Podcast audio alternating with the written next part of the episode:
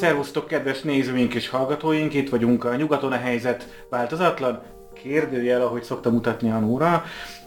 Ez egy külügyi és külpolitikai podcast, uh, Hajdon órával. És Kubatovics Áronnal. és uh, hát itt vagyunk a német választások után, ez a mostani témánk. Uh, szeptember 26-án volt a, választás, és rögtön 26-a estén, késő éjjelén megvoltak az eredmények. Sőt, nem is csak a késői jelén, hanem Németországban az a szokás sok más országhoz hasonlóan egyébként, hogy a urnazárást követően rögtön nyilvánosságra hozzák az első exit polokat, és ez azért érdekes, mert Németország esetében általában az exit polok nagyon ö, megbízhatóak, tehát amik az ex, amit az exit polok mutatnak, valójában az lesz közel, közel, közel pontosan a végeredmény is. És aztán a választási végeredmény az az volt, és valóban már este tudtuk az eredményeket, hogy most erős sorrendben mondom őket, az SPD, tehát a szociáldemokraták 25,7%-ot kaptak, a CDU, CSU pártszövetség, a konzervatívok, akik eddig adták a kancellárt, és ugye még mindig Angela Merkel vezeti a német kormányt, ők 24 százalék környékén végeztek, utána a zöldek jönnek közel 15 százalékos eredménnyel, a liberálisok, az FDP 11,5 százalékkal talán, utána az AFD, a szélső jobboldali radikális párt, olyan 10 százalék környékén teljesített, és a, és a sort a, a szélső baloldali Die Linke zárja, amely nem érte el az 5%-os küszöböt, 4,9%-ot kapott a választáson, és csak azért marad képviselete a, a Bundestagban, mert ö, három ö, direkt mandátumon, tehát egyéni képviselői ö, pozíció megszerzésén keresztül továbbra is ö, képviselettel fog rendelkezni a Bundestagba, de ugye önálló frakciója nem lesz ö, a következő négy évben. És ö, annak, annak mi az oka, hogy ennyire jól működnek az exit polok? Ez lehet, hogy egy kicsit ö, oldalsó kérdés, vagy szóval nem annyira izgalmas kérdés, de engem most ez így szögen ütött. Valószínűleg azért, mert ö, ez szerintem mutathatja azt is, hogy a, hogy a választók, illetve a válaszadók ö, megbíznak a, a kutató cégekben, ö, ha úgy tetszik, nincs félnivalójuk, nem gondolják, hogy túl kellene taktikázni ezt, hogy valamit válaszolok, annak mi lesz a percepciója és ez egy hagyomány Németországban, biztosan arról is árulkodik egyébként, hogy jól működnek a kutató cégek, hiszen nagyon pontosan tudták modellezni azt is az elmúlt hónapok során, hogy a különböző pártoknak a, a támogatottsága hogyan ö, mozgott, mert azért ö, ebben a kampányban, ahogy egy korábbi adásban beszéltünk is róla, nagyon nagy ö, amplitudója volt ö, a különböző pártoknak, hiszen láttuk azt is, erről beszéltünk, és majd szerintem most az eredmények tükrében is érdemes beszélni róla, hogy a CDU egy magas támogatottsággal indult, abból tornázta le magát, az SPD 15%-ról hozta föl magát, ez egy, azért egy történelmi menetelés volt a, a szozdemek részéről, és a zöldek is ugye megélhették azt, hogy,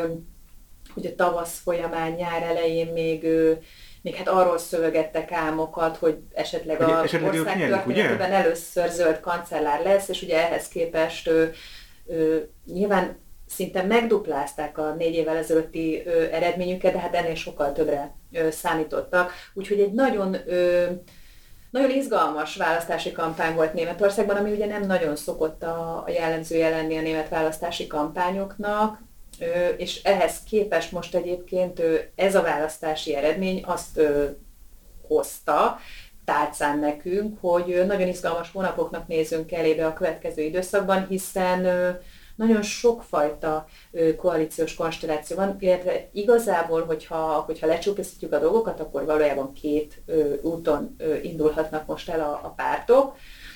Az egyike az azt jelenteni, hogy a, hogy a, a választáson győztes szociáldemokraták vezetésével alakítanak kormányt, míg a másik, talán kevésbé valószínű út, az pedig az lenne, hogy a második helyen végzett CDU-CSU adja a kancellárt, és, és egy ilyen színösszetételű kormány alakul majd ki. Egyébként Németországban a színeknek szoktak adni egy-egy nevet is, hogyha a szociáldemokraták vezetésével jön létre a kormány, akkor erről úgy szoktak beszélni, hogy egy közlekedési lámpa koalíció igen, Ampel, létre. Amit, így van. Amit már megtanultunk az előző adásunkban. És a, a, ha a CDU-CSU meg tudja őrizni a kormány alakítási helyzetét, akkor pedig úgynevezett Jamaika koalíció jön létre, ugye ez pedig a jamaikai zászlónak a színeiből jön össze.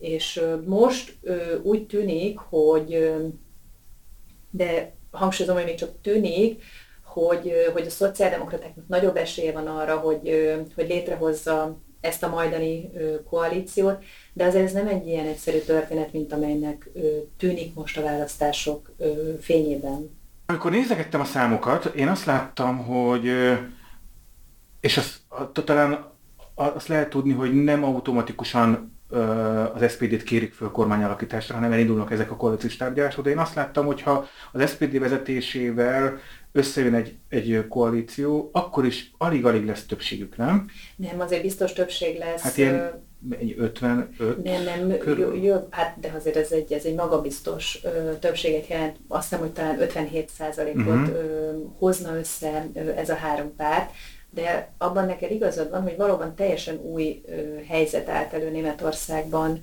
a választásokat követően, mindjárt el is mondom, hogy miért. Ugye egyrészt azért, mert, mert hosszú évtizedek óta nem volt hárompárti koalíció a, a német koalíciós Ugye Angela Merkel 16-ból 12 nagy koalícióban Csinál. van, és a, a, a köztes négy évben, ami egyébként 2009 és 2013 között volt, akkor pedig a liberálisokkal uh-huh. volt kétpárti koalícióban, illetve olyan értelemben három párt, hogyha a CSU-t egy külön pártként említjük. Szóval most egyszerűen a, a támogatottsági arányok miatt mindenképpen három pártra van szükség. És az is elég egyértelmű, hogy, hogy a, a két nagy párt mindegyikének a két kicsi, már már középpárti státuszú párt támogatására van szüksége, ezek a zöldek és a liberálisok, vagyis mellékszereplőkből tulajdonképpen királycsinálóvá avanzsált ez a két párt, akik viszont ugye nem természetes szövetségesei mondjuk a tehát a, a liberálisok sokkal inkább akartak volna a választások előtt a konzervatívokkal koalícióra mhm. lépni, míg a zöldeknél a többség az a szociáldemokratákkal kívánt kormányozni.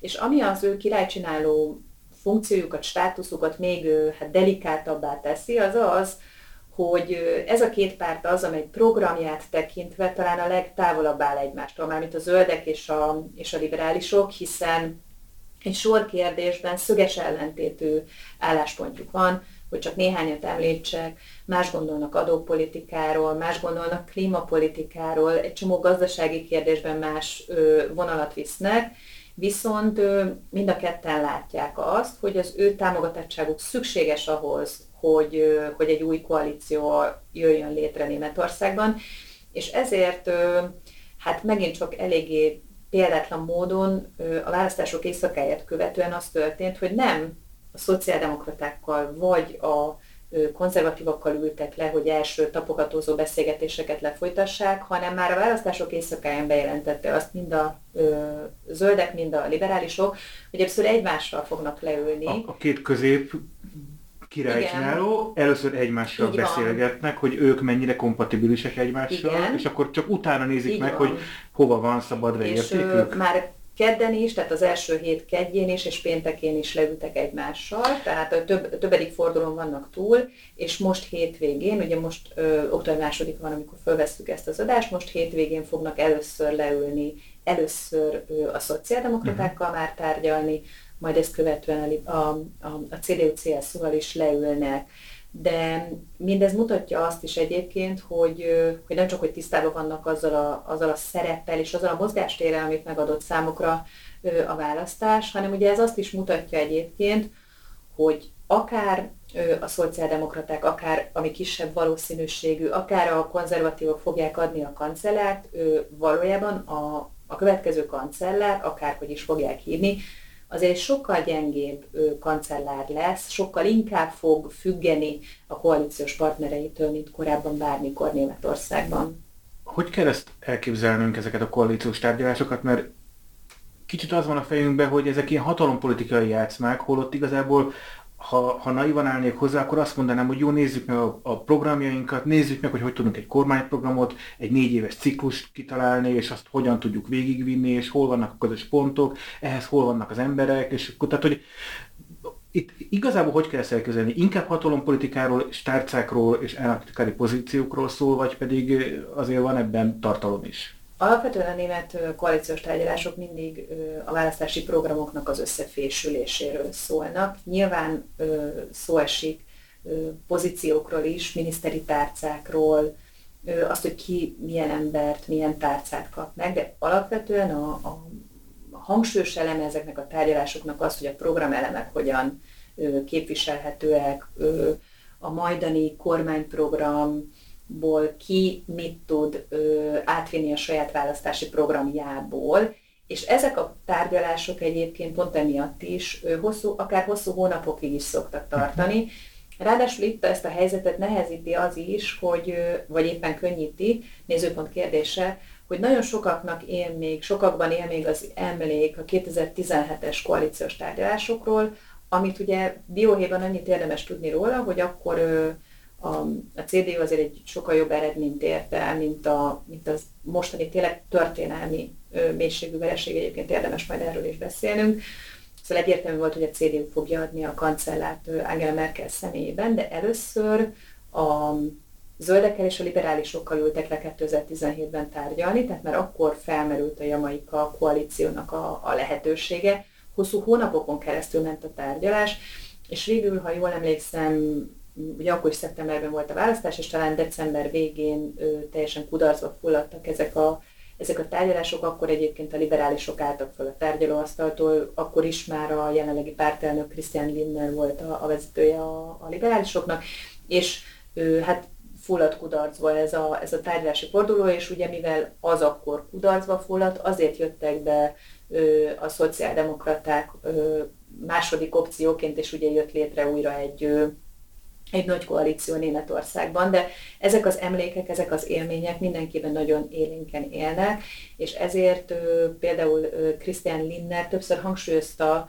a liberálisok vezetője a mostani választást követően, hogy hát mindenképpen szeretnék elkerülni azt, hogy, hogy olyan kudarcos tárgyalások legyenek aztán a, a, a sokat emlegetett cső végén, mint amit akkor átélt a, a két párt. És van is ekkora türelme a német választópolgároknak, hogy akár hónapokig tartó? Nem, mindenki egyébként azt hangsúlyozza, hogy, hogy gyors tárgyalásokat uh-huh. szeretne, és, és gyors eredményt, és egyébként a közvéleménykutatások azok azt mutatják, hogy, hogy a választóknak a többsége egyébként azt a bizonyos közlekedési lámpa koalíciót részesíteni előnybe, tehát a, a választói akarat az, az, az a az, a, az egy szociáldemokrata vezetésű uh-huh. kormány felé nyomná, tolná a tárgyaló feleket, és megint csak egy érdekes adat, amit Németországban azért nagyon szoktak figyelni, megkérdezték a, a német menedzsereket is, tehát a gazdasági életnek a vezető Ez érdekes, igen, hogy, hogy ott ez külön... Hogy ott,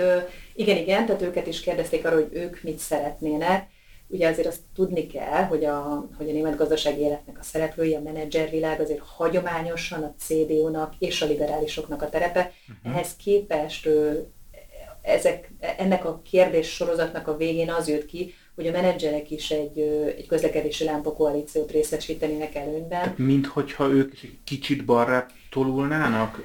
Átlagról beszélve. Nem, én inkább azt mondanám, hogy, hogy egyrészt mindenki érzékeli azt, hogy van a német társadalomban egy, egy megújulási mhm. szándék.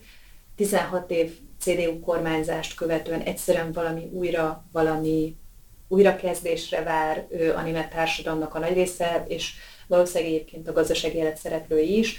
És a másik, és akkor talán itt egy kicsit átevezhetünk a CDU-ra is, mert szerintem ez érdekes, hogy, hogy látják azt is, hogy egy ilyen állapotban lévő CDU, mint amiről, amit most látunk, nem alkalmas egyszerűen arra, hogy az mhm. országot irányítsa.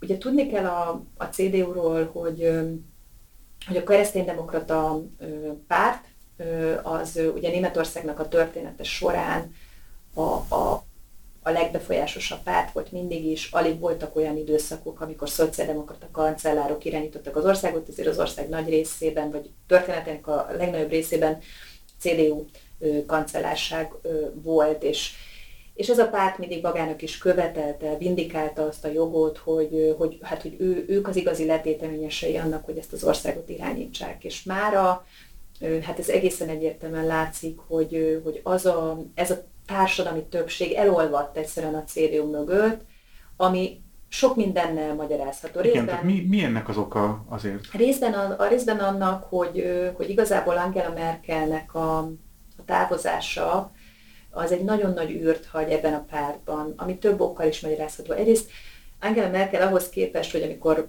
megérkezett a CDU, akkor mindenki azt gondolta, hogy valójában egy átmeneti vezető lesz, uh-huh. csak senki nem fogadta el, hogy ő hosszú távon meghatározhatja a CDU politikáját, mégis ez történt. És nem csak, hogy meghatározta a CDU-nak, nem csak a CDU-nak a politikáját, hanem az ország életét is, hiszen 16 évig volt ő a kancellárja, hanem nagyon sok szempontból át is alakította az országot is, és a CDU-t is, hiszen egy konzervatív pártot nagyon sok szempontból középre húzott, nem csak vezetési stílusát illetően, hanem azt a kormányzati programot illetően is, ami meghatározta Németországnak az életét.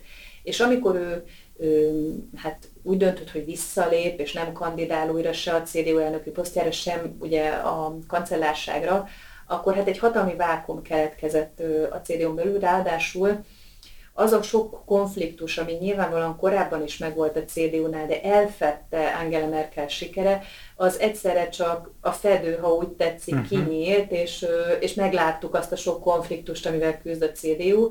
Ez részben azt is jelentette, hogy, hogy nyilvánosságra került, láthatóvá vált az a az, hogy, hogy nincs egységes vezetése ennek a pártnak, nincs egységes, ha úgy tetszik, ideológiai bázisa ennek a pártnak, nem eldöntött az, hogy továbbra is a középpolitikáját visszük, vagy visszatérünk a konzervatív gyökerekhez.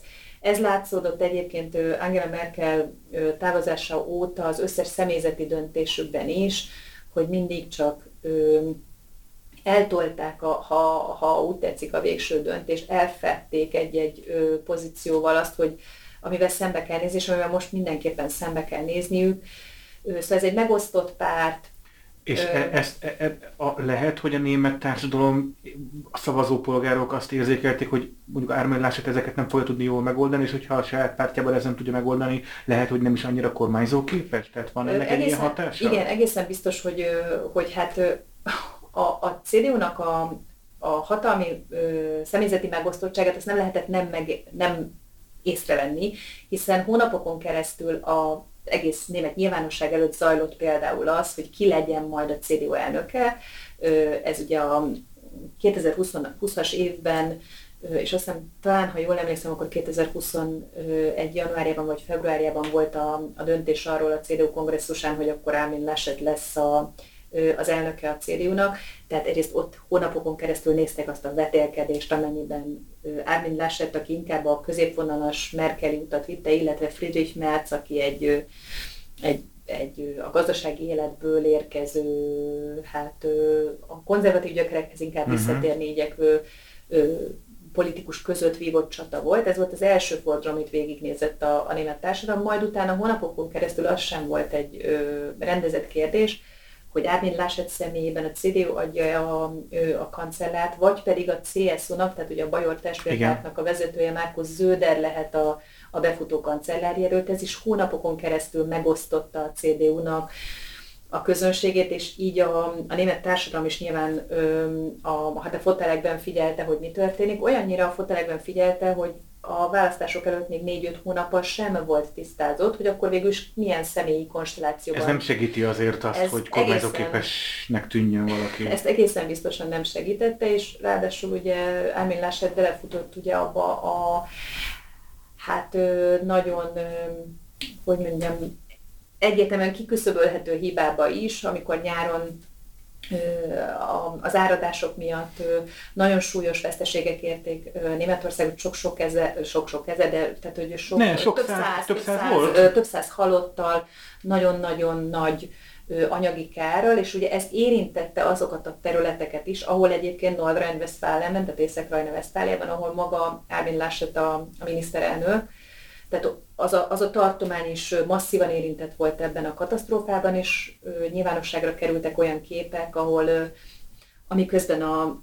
a német köztársasági elnök a, egy sajtótájékoztatón beszélt arról, hogy milyen segítséget kaphatnának ezek a, ezek a területek, ezen közben a háttérben láttuk Árvin esetet, amiben, amit nevetgél vagy viccet mesél éppen a kollégáinak, hát ez ha úgy tetszik, megtorpedozta az ő kampányát, innentől kezdve már ez csak... kimutatható is igen, volt? Tehát ez látszódott? Igen, tehát ez abszolút látszódott a, a számoknak a csökkenésében, és egyszerűen a másik, ami, amivel nem tudtak mit kezdeni, hogy, hogy ebben a kampányban elég egyértelműen a, a Merkeli öröksége nem Armin Laschetet, hanem hmm. Olaf Scholzot azonosították, aki Merkel kormányában ö, szövetségi pénzügyminiszter volt. Igen, mindjárt térjünk rá az SPD-re is, de akkor behoznék egy másik kérdést, mert mostanában mintha kevesebbet beszélnénk a koronavírusról, holott azért a 2020-as év teljes egészében erről szólt, és igazából a 21-es éve első fele, első harmada is azért erősen erről szólt, hogy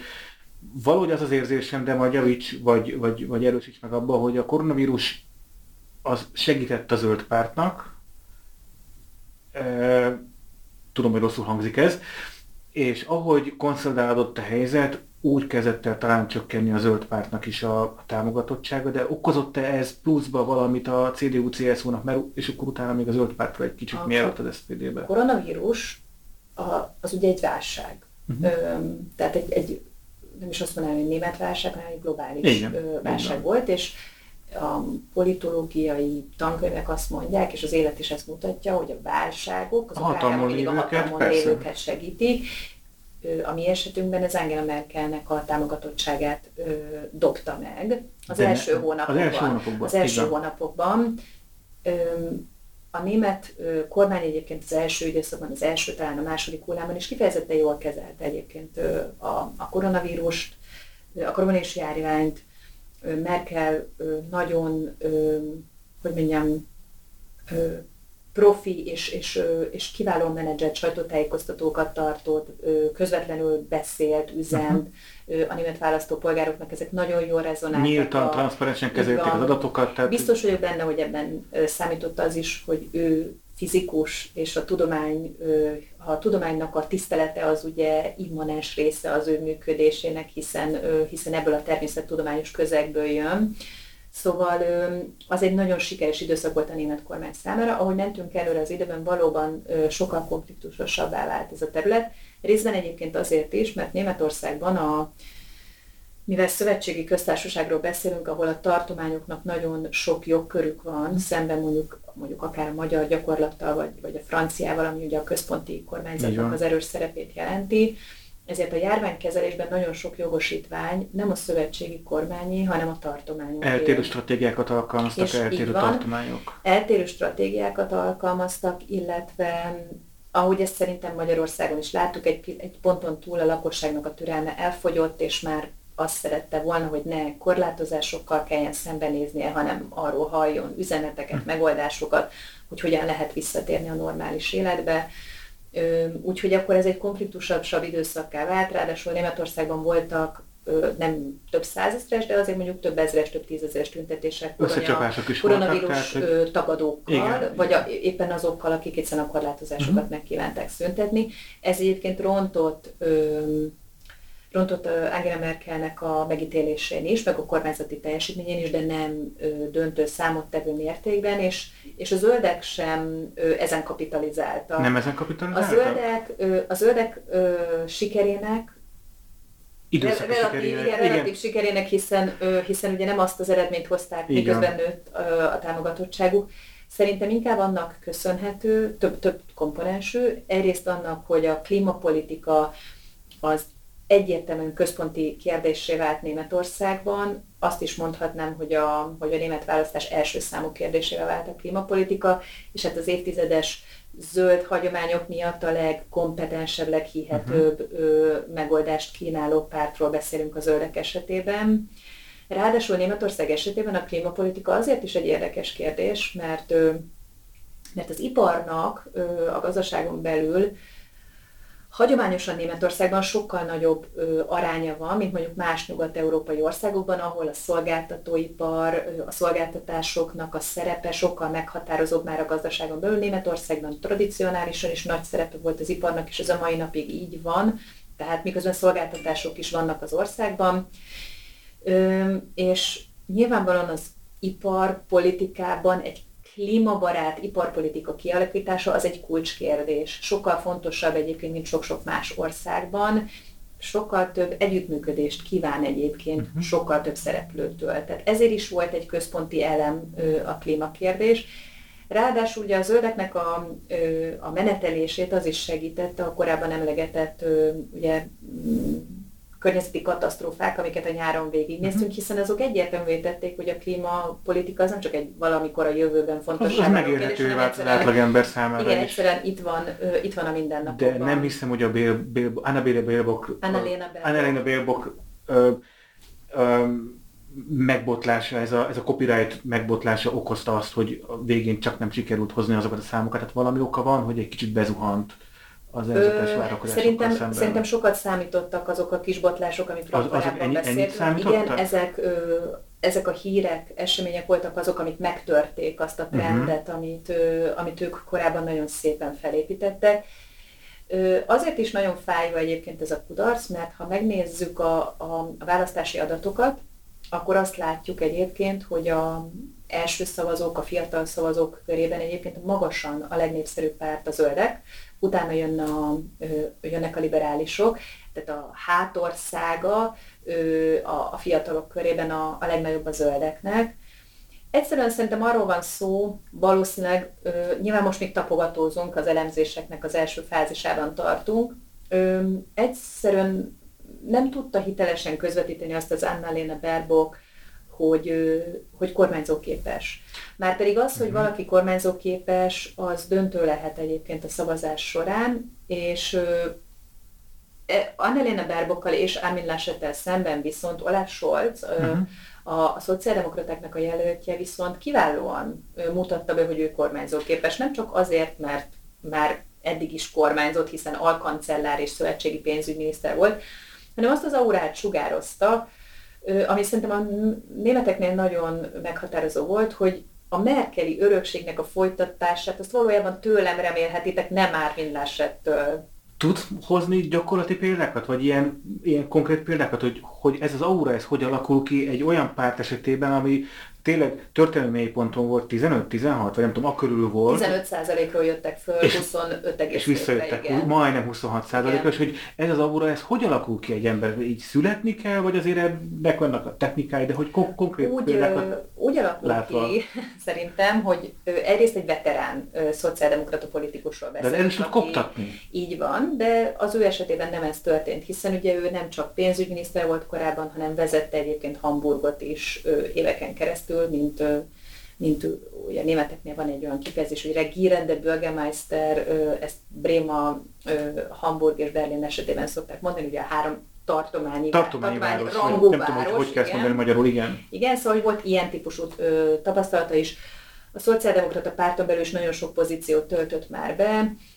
Ö, biztos, hogy szerepet játszott az, hogy ö, Olaf Scholzra nagyon jellemző az északnémeteknek a visszafogottsága, ugye az a bizonyos protestáns etika, ami megjelenik az ő, ő politizálásában, ez nagyon meghatározó az ő, ő fellépésében is.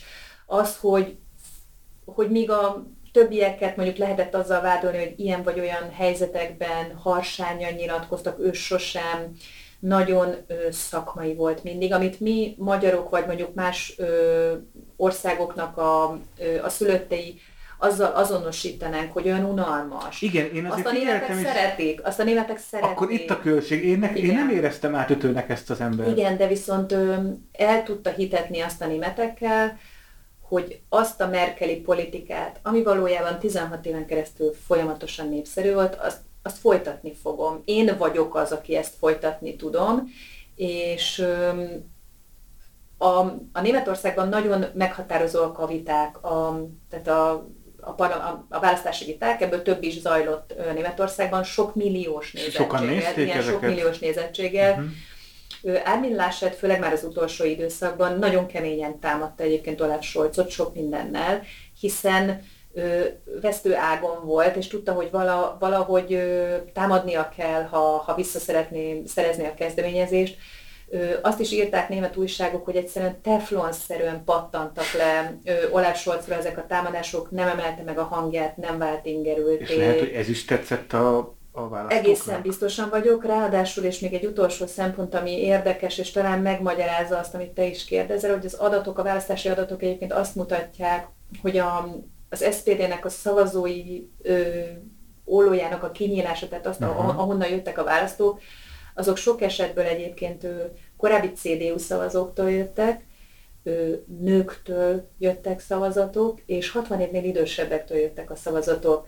Mert hogy... Ez azért egy fura kombináció. Igen, de ez azt mutatja, hogy ugye mi az a hang, stílus, felütés, amire rezonál a szavazó. És az látszódott, hogy amely üzeneteket korábban Angela Merkelnél találtak uh-huh. meg, ez a kör, az most ezeket az üzeneteket, fellépést, hangot, egyszerűen imidzset Olaf Scholznál találta meg. És nyilván a, a a leginkább elkötelezett szavazóiból is. Ott is a 50-60 év fölöttiek, ők mennek el a legnagyobb arányba Igen. választani, ők figyelik ezeket Igen. az adásokat, ők nézik meg a, Igen. a vitákat. És még egy dolgot hagyd mondjak a választásokkal kapcsolatban, ami szerintem megint csak egy érdekes tanulság, és erről is majd lesz érdemes, vagy érdemes erről beszélni és gondolkodni, hogy hogyan teljesített a, az AfD, tehát az Alternative für Deutschland.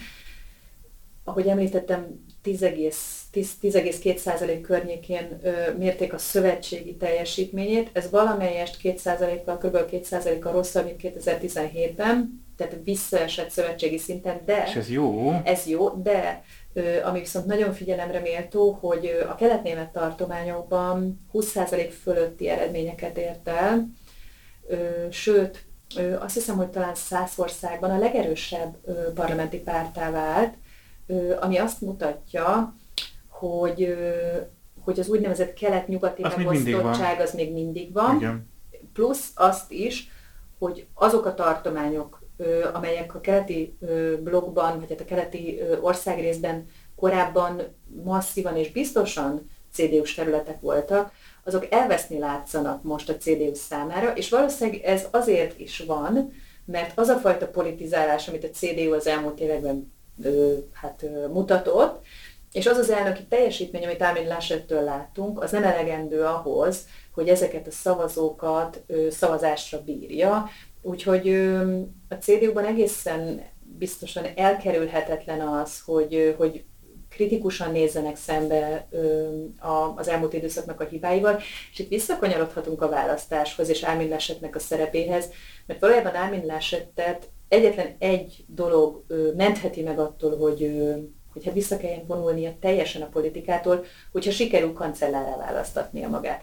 Ugye látjuk ezt az ellentmondást, hogy az egyedüli út, menekülőt az az, hogy kancellár legyen, és minden más ellene szól. Ha Ermin Laschet egyetlen túlélése esetleg az lehet, hogy ő neki kellene kancellárnak lennie, és közben pedig azt láttuk, hogy a kormányzó képesség ennyire fontos a németeknek, ahogy mondtad példaként, hogy a, a teflonszerűen lepattantak róla a higgadsága miatt a, a vitában a fejéhez vágott nem, nem sértegetések, támadások. támadások, akkor azért az a, akár a választók egy részének, vagy nagy többségének a szembeköpése lenne, hogyha nem Scholz lenne a, a, a kancellár. Így van, csak ugye egy dolog az, hogy a társam mit vár el, és másik az, hogy neked a személyes, a személyes politikai túlélés. Azt értem, de esetleg el kéne érnie, hogy, hogy ez megtörténhet, akkor neki ezt van, a díjat meg kéne kötnie a koalíciós ezt, ezt láthattad akkor is egyébként, ö, nagyon érdekes volt nézni. A választások éjszakáján, közvetlenül az eredményeket, ö,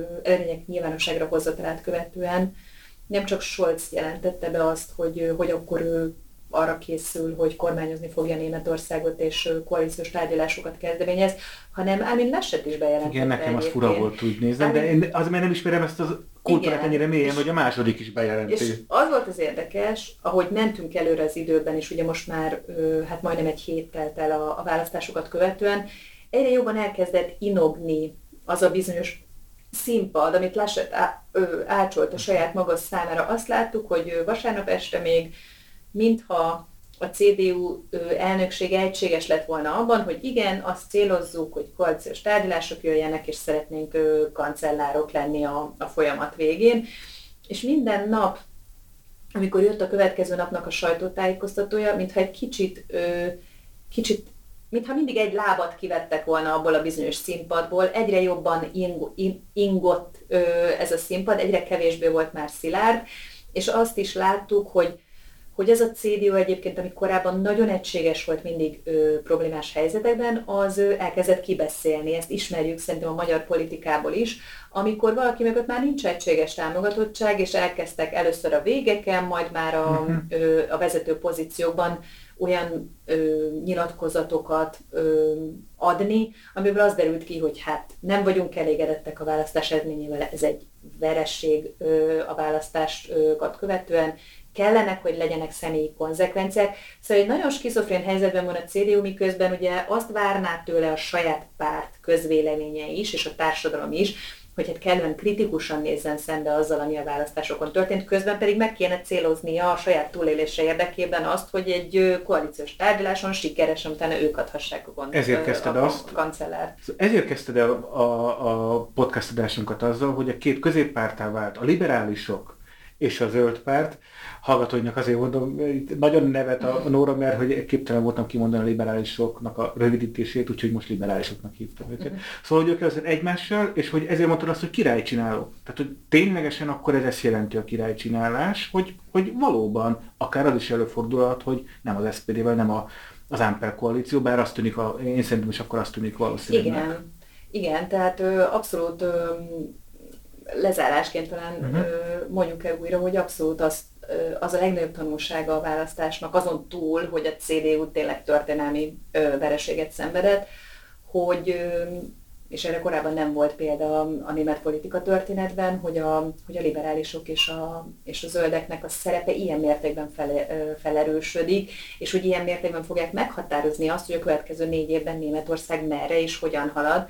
Úgyhogy, úgyhogy ahogy korábban beszéltük, a, a hosszú-hosszú éveken keresztül unalmas német közélet, azt szerintem még hosszú éveken keresztül nagyon izgalmas ö, időszak előtt áll. Viszont igazából ez nem csak a német belpolitikáról szól, ezért is beszélünk mi is róla, hogy tulajdonképpen harmadik adást csináljuk a, a, a német 2021 őszi választásokról, azért, mert ö, egyszerűen Európában egy gravitációs ereje van Németországnak. Politikailag is, gazdaságilag is, akár társadalmilag is láss klímapolitika, tehát hogy, hogy egyáltalán nem mindegy, hogy mi történik Németországban, hogy ki lesz a kancellár, és ennek milyen következményei lesznek. Milyen következményei lesznek ennek? Ugye most még nem tudjuk, mert mindenki kivár. Egyébként az európai partnerek is kivárnak, hogy, hogy mi, mi jön ki a, a folyamat végén Németországból. Az egészen biztos, hogy, hogy mind, a, mind a liberálisok, mind a, mind a zöldek külpolitikai kérdésekben sokkal kritikusabbak, mint, mint mondjuk a CDU volt korábban.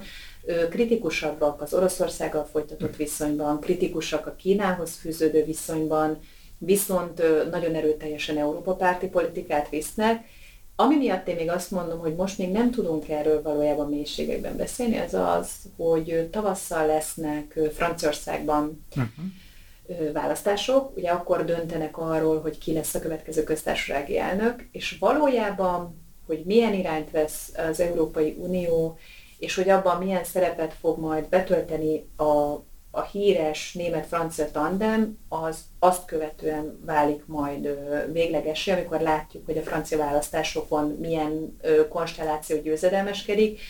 Úgyhogy az egyik választás már megvolt, uh-huh. még nem tudjuk, hogy mi, a, mi lesz a, a hatalmi konstelláció, a másiknak még csak nézünk elébe.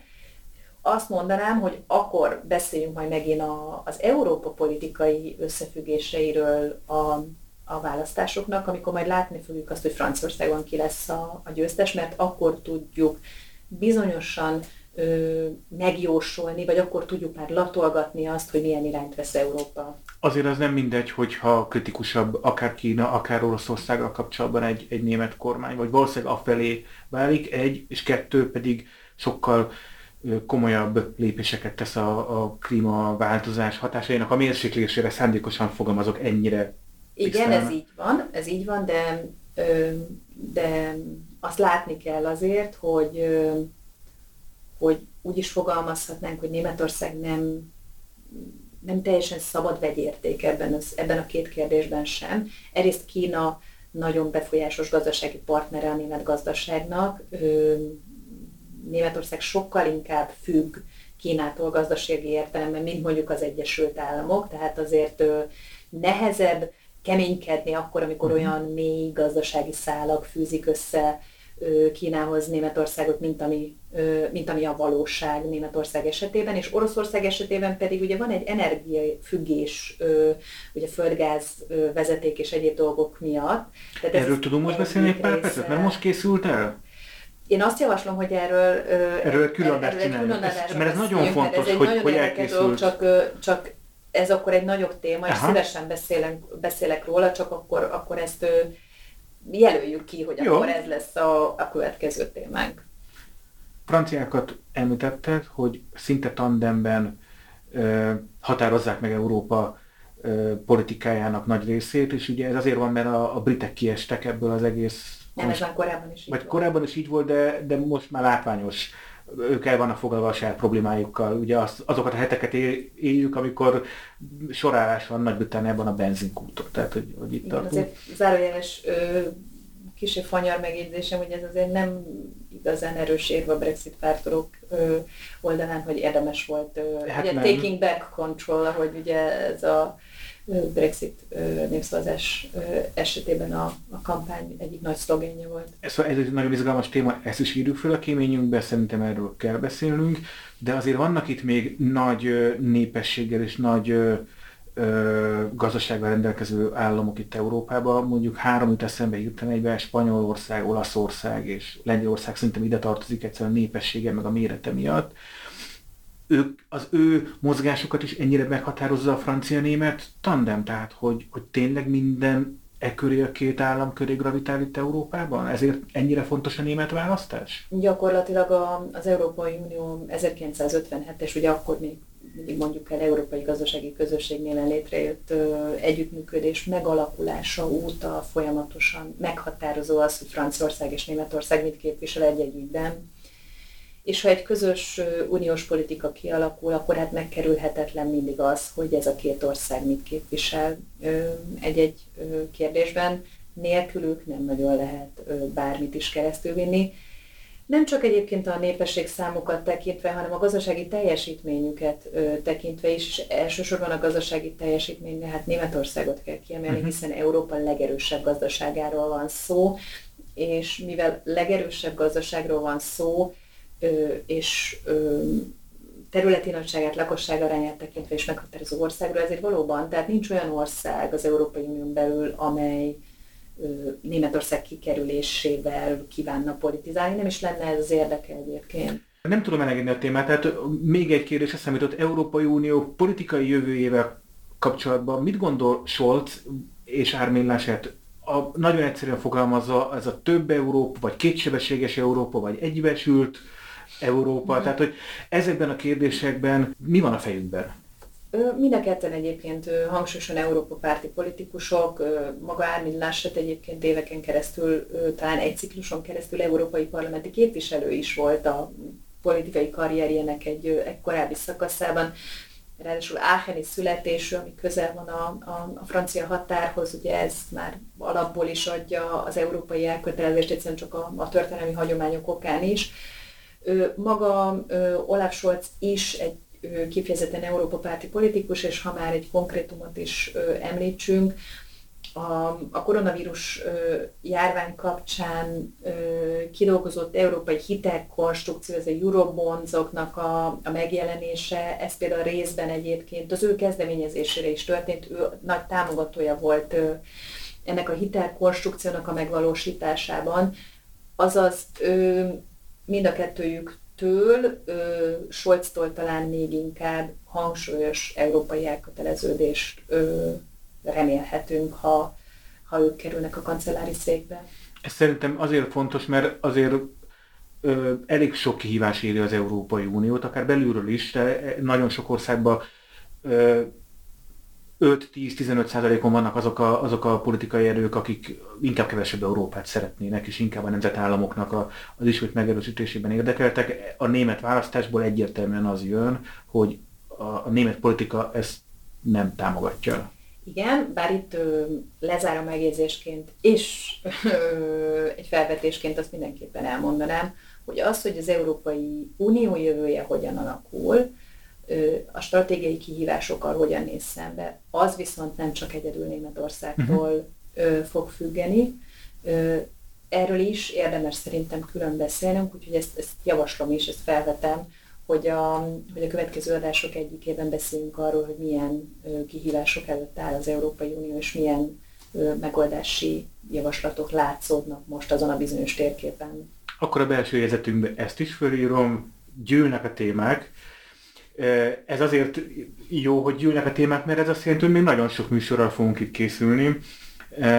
A Nyugaton a helyzet változatlan podcastban, amit tudtok YouTube-on nézni, videós formátumban, és minden nagyobb podcast felületen megtalálhatók vagyunk, tehát Spotify-on, Anchor FM-en, Pocketcast-on, iTunes-on, Google Podcast-on, tehát tényleg minden felületen tudtok minket hallgatni.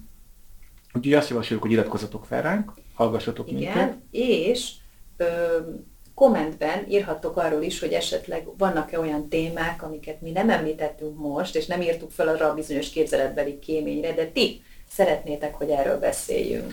Sőt, Telegram csatornát indítottunk, ott közvetlenül tudtok velünk beszélgetni, meg akár egymással is. Telegramon belül, ha rákerestek arról, hogy nyugaton a helyzet, akkor meg fogtok minket találni. És ezen felül TikTok csatornát indítottunk, egy videó, ide, ide valahol belinkelem, és ilyenkor úgy mutogatni kell itt a YouTube videón, szóval, hogy belinkeljük a, a TikTok csatornánkat, mindenféle izgalmas dolgokat osztunk ott meg. Még tanuljuk ezt a TikTok műfajt, mert hát nem tátogni fogunk a zenére, de, de látjuk, hát erre megvannak a, a példáink is, hogy nem csak, nem csak zenei videókat lehet TikTokra rakni, hanem mindenféle egyéb izgalmas dolgokat is, úgyhogy köszönjük szépen, hogy meghallgatotok minket. És sziasztok! Sziasztok!